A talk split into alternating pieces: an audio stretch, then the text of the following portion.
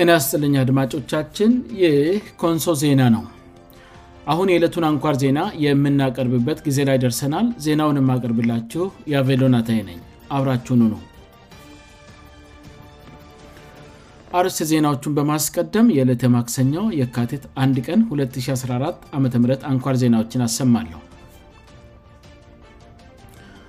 ከአንድ ሳምንት በላይ በኮልሜ ና ገዋዳ አዋሳኝ አካባቢዎች ቀጥሎ ለነበረው ግጭት መፍትሄ የሚያበጅ ውይይት ትላንት በገዋዳ ከተማ ላይ መደረጉ ተገለጸ የፍርድ ቤት ዳኛን ያስሩ የካራት ከተማ አስተዳደር የጸጥታ አመራሮች ጉዳያቸው በኮንሶ ዞን ከፍተኛ ፍርድ ቤት እንዳይታይ ለክልል ጠቅላይ ፍርድ ቤት ያቀረቡት አቤቱቷ ተቀባይነት ማግኘቱ ተገለጸ ግሎባል ቴለvዥን ኔትዎርክ ኦf አፍሪካ የተሰኘ የሚዲያ ተቋም ዋና መቀመጫውን አዲስ አበባ በማድረግ በ15 ሀገራት ዘጋቢዎችን ይዞ ሥራ እንደሚጀምር ተገለጸ አሁን ዜናውን በዝርዝር አሰማለሁ ከአንድ ሳምንት በላይ በኮልሜ እና ገዋዳ አዋሳኝ አካባቢዎች ቀጥለ ለነበረው ግጭት መፍትሄ የሚያበጅ ውይይት ትላንት በገዋዳ ከተማ ላይ መደረጉ ተገለጸ ጥሪ 20 2014 ዓም በኮልሜ ና በገዋዳ አዋሳኝ አካባቢዎች ግጭት ዳግም ማገርሸቱን ና ዲማያ በተባለ አነስተኛ የኮልሜ ከተማ ላይ ተኩስ መከፈቱን እንዲሁም እርሻ ላይ ሲሰሩ የነበሩ አርሶ አደሮች በቡድን በሚንቀሳቀሱ ተንኳሾዎች መዘረፋቸውን መዘገባችን ይታወሳል ከዚያን ጊዜ ጀምሮ እስከ ትላንት ምሽት ድረስ በየቀኑ የተኩስ ልውውጦች በአካባቢው ላይ ያለማቋረጥ ሲደረጉ እንደነበረ እና በአካባቢው ያሉ አርሶ አደሮችን በእርሻዎቻቸው ላይ ስራ መስራት አለመቻላቸውን ከአካባቢው የሚደርሱ መረጃዎች ያመለክታሉ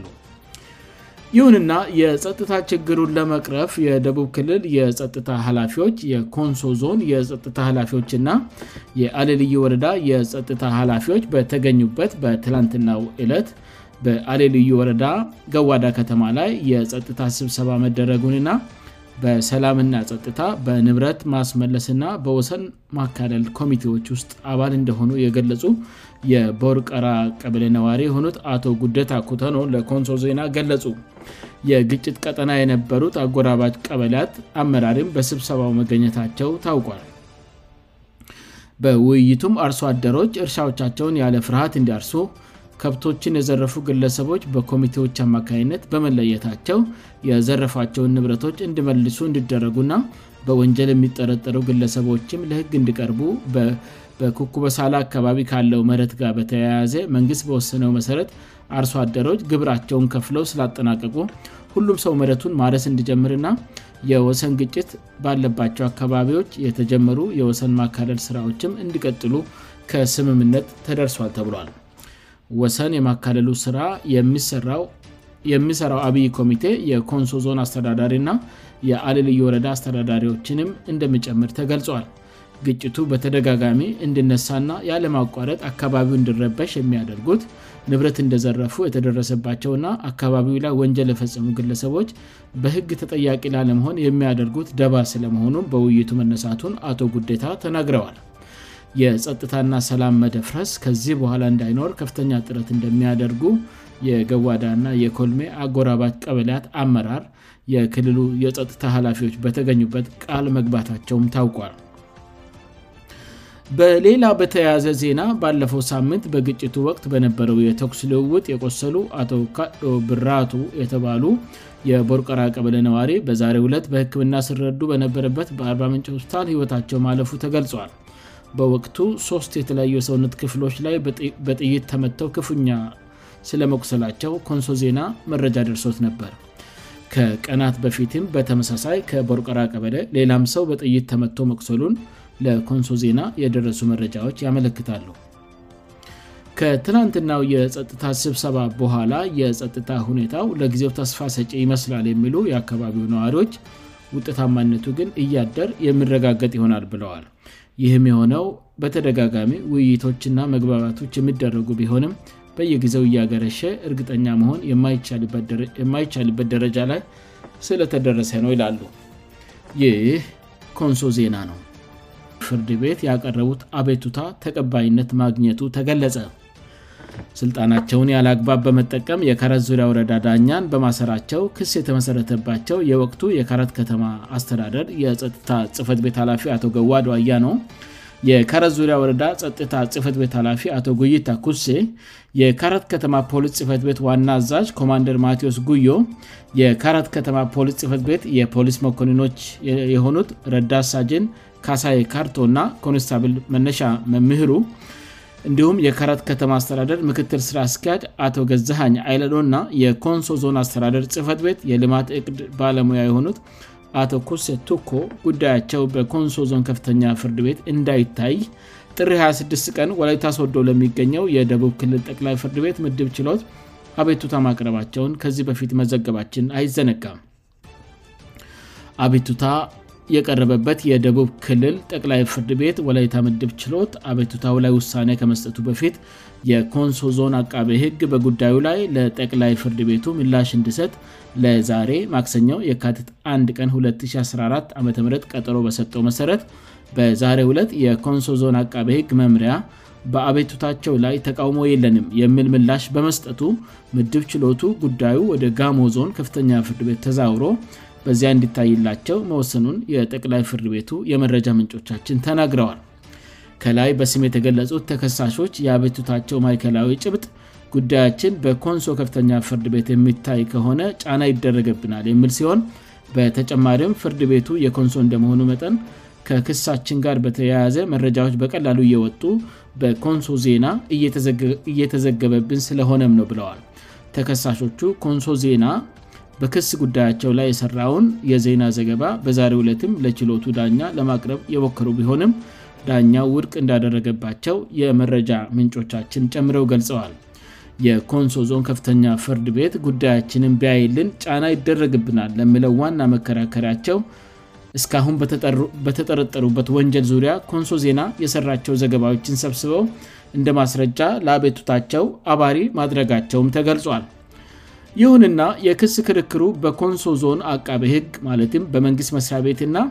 በተከሳሾቹ መካከል እንደመሆኑ መጠን የዞኑ አቃቤ ህግ መምሪያ ጉዳያቸው ወደ ሌላ አካባቢ እንዳይወሰድ በማስረጃና በምክንያት ተከራክሮ ማስቀረስ ሲገባው ያን አለማድረጉ አቃቤ ህግ መምሪያው ጋር ትልቅ ችግር እንዳለ ማሳያ ነው እየተባለ ነው ጉዳዩ በኮንሶ ከፍተኛ ፍርድ ቤት ቢታይ ጉዳዩን ይዘው ወደ ጋምጎፋ ከፍተኛ ፍርድ ቤት የሚመላለሱ የአቃቤ ህግ ባለሙያዎች የዞን መንግስት ላይ የሚፈጥሩት ወጪ መታደግ ይቻል ነበር በተጨማሪም በራሳችን የዞን ከፍተኛ ፍርድ ቤት ላይ ዜጎች ያላቸው መተማመን ይጨምር ነበር ይህ ግን በአቃቤ ህግ መምሪያ ኃላፊ እንዝላልነት አልሆነም እንደ መረጃ ምንጮቻችን ከሆነ አቃቤ ህግ መምሪያው ይህ የክስ መዝገብ ወደ ሌላ አካባቢ እንዳይዛወር ማድረግ ያልቻለው የአቃቢ ህግ መምሪያ ሀላፊ የሆኑት አቶ ካራላ አራርሳ ባለሙያዎች በምክንያውነትእና በህግ አግባብ ለጠቅላይ ፍርድ ቤቱ ጥያቄ ምላሽ እንዳይሰጡ ለሚመለከተው ስራ ሂደት ሳይመራ ቀርቶ ራሱ ምላሹን ካዘጋጀ በኋላ ባለሙያዎቹ የእሱም ምላሽ ይዘው እንዲሄዱ በማዘዙ ነው ተብሏል ይህ ግለሰብ በዜጎች ፍትሄ ላይ ሲጫወት የኖረው ሳይንስ አሁን ደግሞ የፍትሕ ሂደቱ ለማዛባት ና የመንግሥትን ንብረት ለማባከን የሚያደርገው ጥረት ሀይ ባይ ማጣቱ ብዙዎችን እያሳሰበ ይገኛል የእነዚህ ባለስልጣናት ጉዳይ ገና ከጀምሩ ወደ ፍርድ ቤት እንዳይደርስና ሀላፊዎቹ ለህግ ተጠያቂ እንዳይሆኑ የስልጣን ቦታውን እና የህግ እውቀቱን ከሌላ በማድረግ ከፍተኛ ጥረት ሲያደርግ እንደነበረ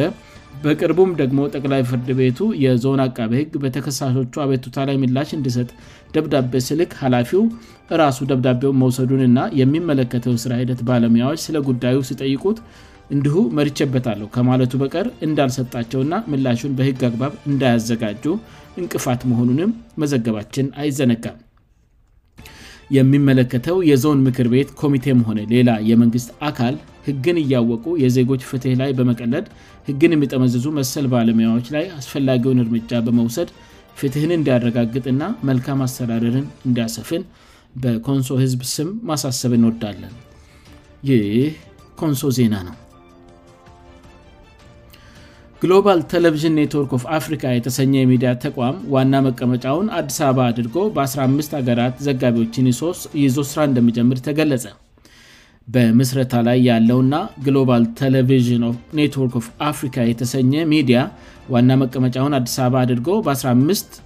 ገራት ዘጋቢዎችን ይዞ ስራ እንደሚጀምር አስታውቋል በጋዜጠኛ ግሩም ጫላ በምስረታ ላይ ያለው ግሎባል ቴቪን ኔትወ አፍሪካ በስካሁኑና ለስለ ቀጣይ የተቋሙ እቅድ ዙሪያ ለብዙሃን መገናኛዎች መግለጫ ሰጥተዋል በመግለጫው ላይ እንድጠቀሰው ይህ ሚዲያ ዋና ዓላማው ስለ አፍሪካ ታአማኒ መረጃዎችን ለዓለም ማህበረሰብ በማድረስ የአፍሪካ ድምፅ መሆን ነው በምስረተላይ ያለው ይህ ሚዲያ ዋና መቀመጫውን በአዲስ አበባ በማድረግም በእንግዝኛ ቋንቋ የአፍሪካን መልካም ስም ማጎልበት የሚያስችሉ ይዘቶችን ለአለም እንደሚያደርስ የሚዲያው ስራ አስፈፃሚ ጋዜጠኛ ግሩም ጫላ ተናግሯል ይህ ሚዲያ መቼ ለተመልካቾች መተላለፍ ይጀምራል በሚል ለቀረበላቸው ጥያቄም ስርጭታችን በዚ ጊዜ ይደርሳል አንንም ግን ለዚያ የሚያበቃንን ስራዎች በፍጥነት በማከናወን ላይነን ፕሮጀክት ቢሮ ከፍተን ስቱዲዮ እንገንባለን ከዚያ አዲስ አበባን ጨምሮ በአፍሪካ ከ10-15 ወኪል ዘጋቤዎችን እንዲሁም ከአፍሪካ ውጭ በኒውዮርክ በቤጂንግ ና በለንደን ከተሞች ሆነው የሚዘግቡ ጋዜጠኞችን ይዘን ስራ እንጀምራለን ስሉ ምላሽ ሰጥተዋል ግሎባል ቴሌቪዥን ኔትዎርክ ኦፍ አፍሪካን ለማቋቋም ከ35 ቢሊዮን ብር ያስፈልጋል ያሉት ስራ አስፈፃሚው ገንዘቡን ኢትዮጵያን ጨምሮ በዓለም አቀፍ ደረጃ ካሉ የንግድ ሰዎችና ተቋማት በአክሲዮን ሽያጭ ለማሰባሰብ መታቀዱንም አክለዋል እስካሁን ባለው የቅድመ ዝግጅት ስራ የሚዲያውን ዋና ቢሮ ባለ63 ወለል ህንፃ መገንባት የሚያስችል 500 ካ ሜት ቦታ ከአዲስ አበባ ከተማ አስተዳደር መረከባቸውንም ጋዜጠኛ ግሩም ጫላ በመግለጫው ላይ ተናግሯል የኢንቨስትመንት ፈቃድ የንግድ ምዝገባ የቦርድ አባላት ምርጫ ና ሌሎች የቅድመ ዝግጅት ስራዎች ተጠናቀዋል የተባለ ሲሆን የስርጭት ፈቃድ ማግኘት የስራ ቅጥርና የስራ ስልጠናዎች በቀጣይ እንደሚጀመሩም ተገልጿዋል ይህ ኮንሶ ዜና ነው አድማጮቻችን ዜናውን ከማብቃተ በፊት አርስ ዜናዎቹን በድጋሚ ያሰማለሁ ከአንድ ሳምንት በላይ በኮልሜ እና ገዋዳ ዋሳኝ አካባቢዎች ቀጥሎ ለነበረው ግጭት መፍትሄ የሚያበጅ ውይይት ትናንት በገዋዳ ከተማ ላይ መደረጉ ተገለጸ የፍርድ ቤት ዳኛን ያሰሩ የካራት ከተማ አስተዳደር የጸጥታ አመራሮች ጉዳያቸው በኮንሶዞን ከፍተኛ ፍርድ ቤት እንዳይታይ ለክልል ጠቅላይ ፍርድ ቤት ያቀረቡት አቤቱታ ተቀባይነት ማግኘቱ ተገለጸ ግሎባል ቴሌቪዥን ኔትወርክ of አፍሪካ የተሰኘ የሚዲያ ተቋም ዋና መቀመጫውን አዲስ አበባ አድርጎ በ15 ሀገራት ዘጋቢዎችን ይዞ ሥራ እንደመጀምር ተገለጸ ዜናው በዚህ አበቃ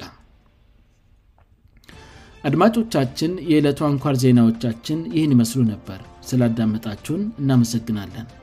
ኮንሶ ዜና ሐሙስ ምሽትን በተመሳሳይ ሰዓት እንደሚጠብቁ ተስፋ አድርጋል